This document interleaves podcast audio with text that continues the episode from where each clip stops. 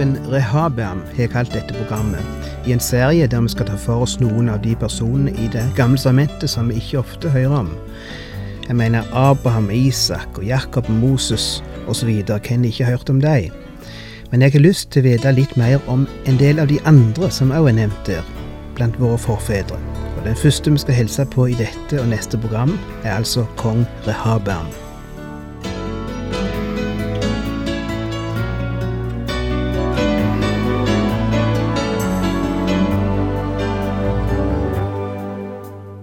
Velkommen til et nytt program i serien Vindu mot livet, basert på programserien Insight for living med Chuck.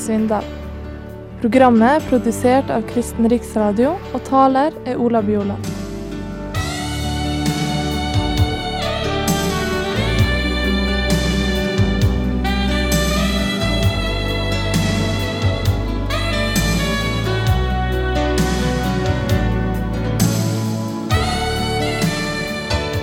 Ei avis brakte en gang en artikkel om det verdenskjente International Studio i Los Angeles, California.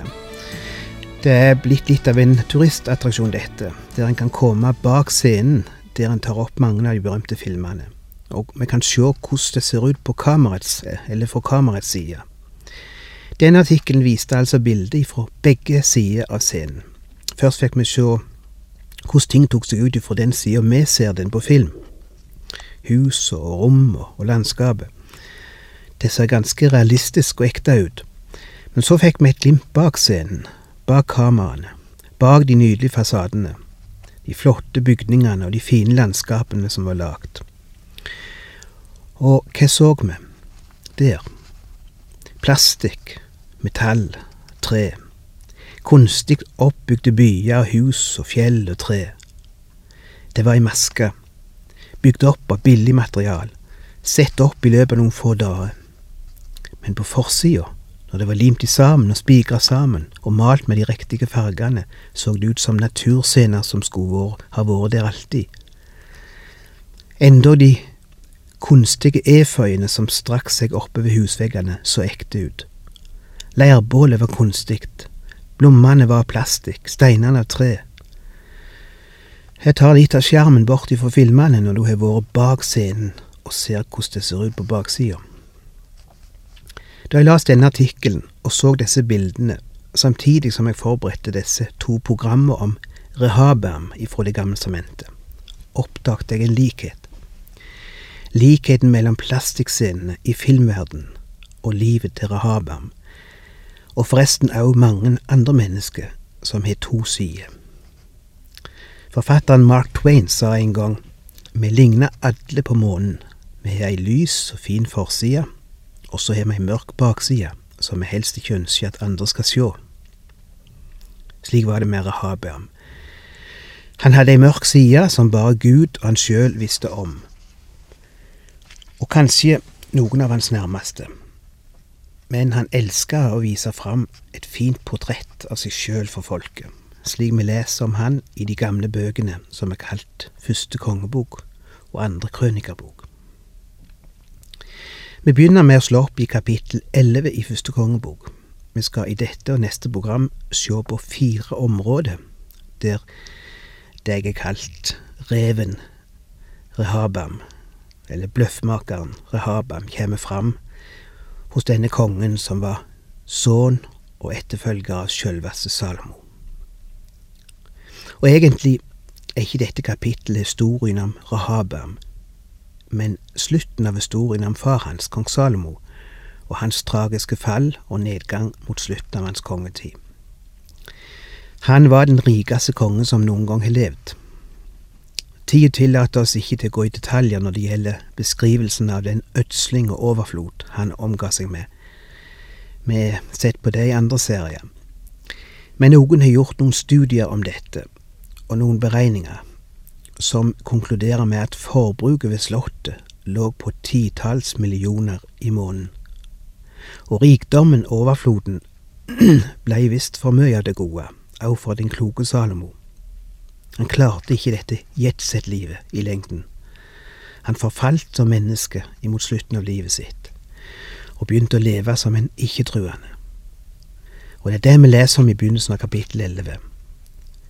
Kong Salomo elsket mange utenlandske kvinner, foruten faraos datter.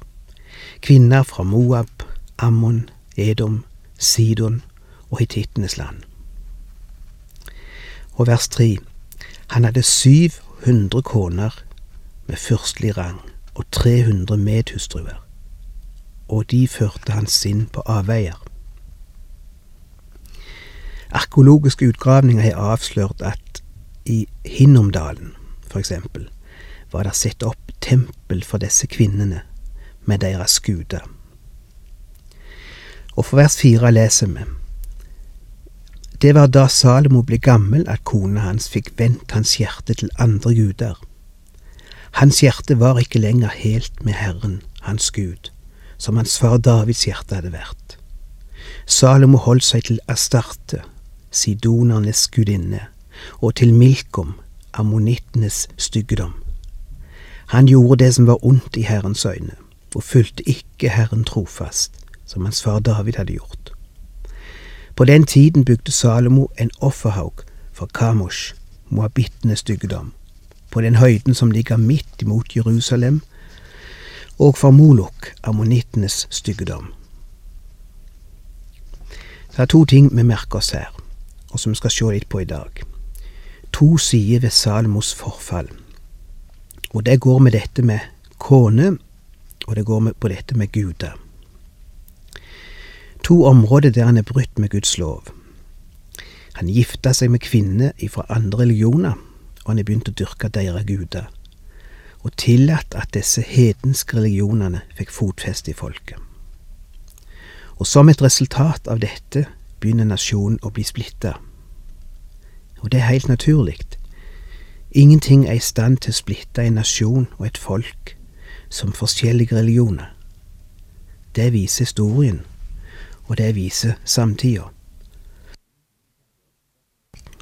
I over 100 år har Israel vært en sterk, samla nasjon. Det begynte under Saul, og fortsatte med David, og fullførtes faktisk av Salomo. Israel var under ett flagg og en kultur og en religion preger staten. Det betyr ikke at det ikke var rom for enkeltpersoner til å ha ei annen tro. Det er ikke rasisme eller religiøs fanatisme det er snakk om her. Religionsfrihet er fundamental. Men problemet begynner når et folk eller en nasjon som er så knytta til en kultur og en religion som Israel var, der religion faktisk er folkets identitet, begynner å rote sammen alle slags verdier. Da blir det til slutt ingen verdier igjen, og ingen tro. Utviklingen i Israel under Salomos siste år gjorde at folket begynte å bli splitta, og noen begynte å gjøre opprør, og en av de var Jeroboam. Ikke blant han sammen med Rahabam, altså, sønn av Salomo, som vi snakket om nå. De er så like disse to navnene at det er lett å blande de sammen, men den ene heter altså Rehabam. Han var sønn av Salomo. Navnet begynner på Ar, hvis det kan hjelpe. Og så har vi Jeroboam, han som gjorde opprør mot kongen. Han var uenig i den politikk kongen førte, så han flykta til Egypt for ei tid, fordi Salomo prøvde å ta han av dage. Han var redd at Jeroboam skulle prøve å gjøre statskupp. Det blir mye bakgrunnsstoff i dag, men det er litt viktig for vi skal se på hva som førte til at Israel ble delt i to, i Nordriket og i Sørriket, eller Sydriket, som de sikkert har hørt om. Så leser vi i siste vers av dette kapitlet. Så gikk Salomo til hvile hos sine fedre og ble gravlagt i sin far Davids by. Hans sønn Rehabam ble konge etter ham. I kapittel 14 i den samme boka får vi vite at han var 41 år da han ble konge etter faren. I 41 år er han altså budt på Slottet, sammen med faren. Oppvoksen i en heim som ble mer og mer forvirra av ulike verdier og ulike religioner. En heim og et hus som offentlig framsto som perfekt og fint, men som bak scenen hadde et helt annet innhold og en helt annen virkelighet. Så leser vi fra vers 1 i kapittel 12. Rehabam drog til Sikhem, for hele Israel var kommet dit for å gjøre ham konge. Dette fikk Jeroboam, sønn av Nebat, høre. Han var ennå i Egypt. Dit hadde han flyktet for kong Salomo, og der ble han boende. Nå sendte de bud på ham, og så kom han og hele Israel samlet til Rehabam og sa. Altså, Jeroboam, som hadde flykta til Egypt, kommer nå på besøk til byen Sikhem. Han besøker den nyvalgte kongen, eh, altså den 41-årige sønnen av Salomo. Og han snakka med han om ting han har tenkt på lenge mens Salomo var konge. Ting som plaga han med den måten Salomo hadde styrt på de siste åra. Og han sier, Din far la et tungt åk på oss. Men hvis du nå vil lette det arbeidet og det tunge åket som din far la på oss, så skal vi tjene deg. Han svarte, Gå bort og vent i tre dager, kom så tilbake til meg. Og folket gikk sin vei. Altså, kongen tar betenkningstid, ser det ut for. Og vi leser videre for vers seks. Kong Rehabam rådførte seg først med de gamle, som hadde gjort tjeneste hos hans far Salomo mens han, mens han levde. Han spurte, Hva rår dere meg til å svare dette folket? De svarte, Hvis du hører på folket i dag, retter deg etter dem og gir dem et velvillig svar, så kommer de til å tjene deg alle dager. Rehabam syns her å handle som en klok konge, ved første øyekast iallfall. Han innkaller til rådsmøte. Han sitter og lytter til de gamle sine råd, de som hadde sett nasjonen blomstre og vokse, men som nå så den i ferd med å forfalle. Hva skal vi gjøre, spør han. Og svaret har vi allerede lest, men så leser vi videre fra vers åtte hvordan det hele bare er et hykleri ifra Rehabams si side. Bare en scene han har satt i gang. Hør hva det står. Men Rehabam brydde seg ikke om det rådet de gamle ga ham. Han spurte de unge til råds, de som hadde vokst opp sammen med ham og nå gjorde tjeneste hos ham. Hva rår dere oss til å svare dette folket, spurte ham. De har bedt meg om å lette det åket min far la på dem. Da svarte de unge som hadde vokst opp sammen med ham, slik skal du tale til dette folket, som sa til deg, Din far la et tungt åk på oss, nå må du gjøre det lettere for oss. Slik skal du svare dem, Min lillefinger er tykkere enn min fars midje. Min far la et tungt åk på dere, men jeg vil gjøre det tyngre. Min far tuktet dere med sveper, men jeg vil tukte dere med piggreimer. Og så er tre dager gått, og vi leser videre for vers tolv. Den tredje dagen kom Jeroboam og hele folket til Rahabam, slik kongen hadde bedt dem da han sa Kom hit igjen til meg om tre dager. Kongen ga dem nå et hardt svar. Han brydde seg ikke om det rådet de gamle hadde gitt ham, men svarte slik som de unge hadde rådet ham til. Og hvis du slår opp i andre krønikabok, kapittel ti, som også forteller om dette, og vers 15, så vil du i en setning få høre hva som karakteriserer kongens holdning. Der står det så kort og så betegnende Kongen hørte ikke på folket. Han lot som han hørte i første omgang. Han ga etter og lot de få komme fram med sine klager. Men i neste omgang slo han enda hardere tilbake. Jeg minner meg om så mange episoder opp gjennom historien, og like inn i vår tid. Maktsjuke despoter som tyranniserer sitt folk, og som later som om de lytter, men som slår tilbake mot frihetsforkjemperne med enda hardere midler i neste omgang. Kjenner du igjen mønsteret? Endog i ditt private liv kan det hende du har opplevd noe lignende. Folk som lot som om de lytta, lot som om de hørte på råd, og du fikk forhåpning om at det skulle nå fram. Men i neste omgang viste det seg at lyttinga bare var hykleri. De hadde allerede bestemt seg for hva de ville gjøre, og det ble kanskje enda verre enn før. Hvem har ikke opplevd dette i en eller annen form? Jeg kjenner igjen mønsteret fra så mange sammenhenger. Og hvor mennesket kan skuffe, og hvor fint de kan snakke, men når det kommer til stykket, kan du ofte ikke stole på dem. Rehabam hører folket klage. Han innkaller de slik at de kan få gi uttrykk for sine synspunkt, og folk tror han møter de for å lytte og for å lære, men han lytta ikke til de, han bare lot som. Inni seg hadde han ingen planer om å ta hensyn til folks behov. Framfor kamera, ja, på scenen, men ikke når det kom til stykket. Og så slår han tilbake med hard hånd, slik som vi har sett på mange ganger. Han trodde han kunne true folket til taushet, men derfor rekna han seg.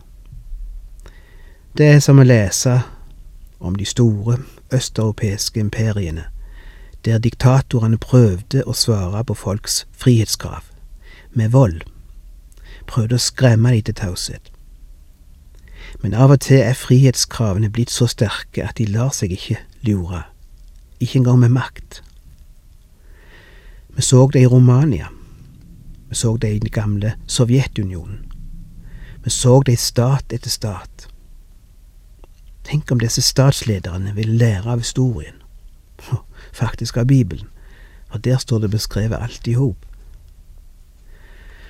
Hør hvordan det gikk med Rahabams ynkelige og simple forsøk på å holde de nede med makt, slik som vi leser fra vers 16.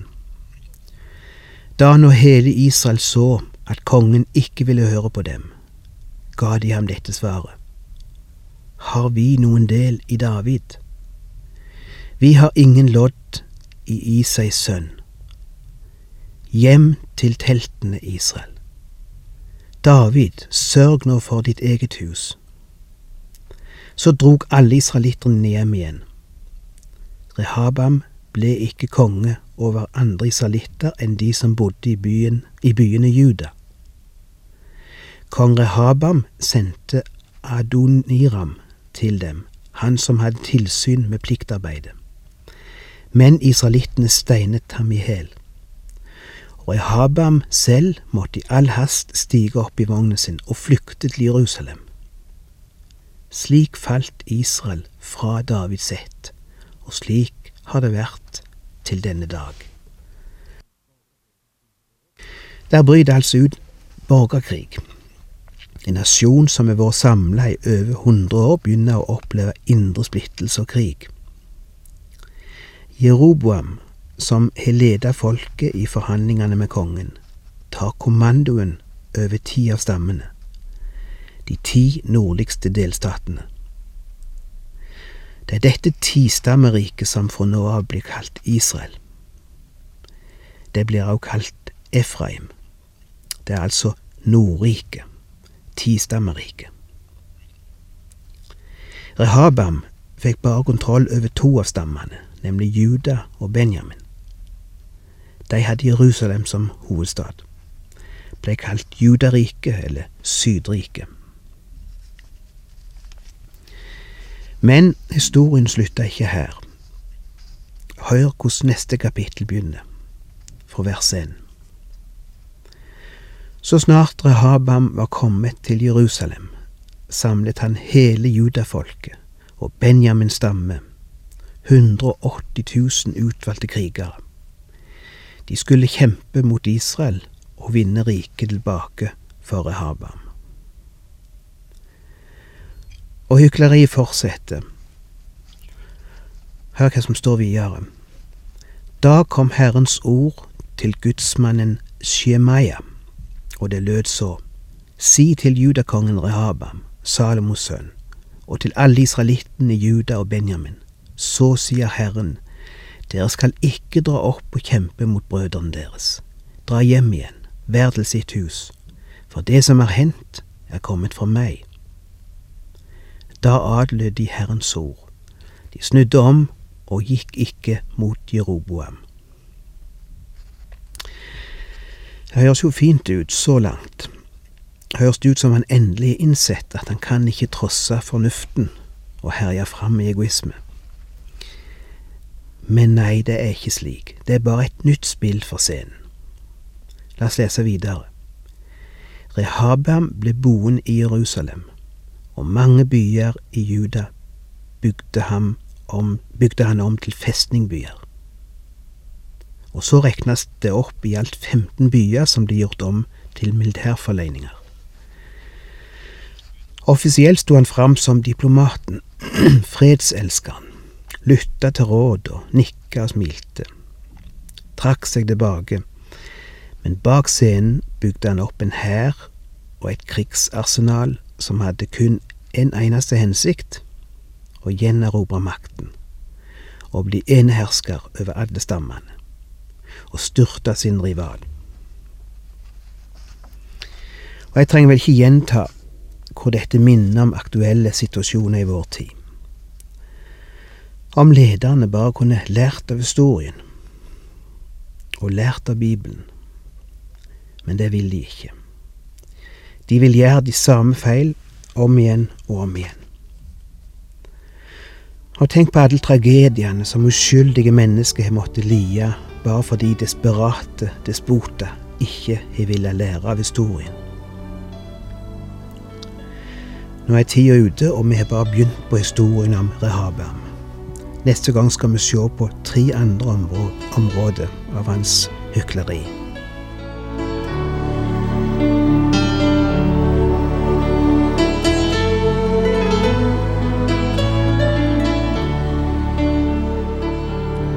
Du har lytta til Ola Bjoland i serien 'Vindu mot livet' fra Kristen Riksradios arkiv.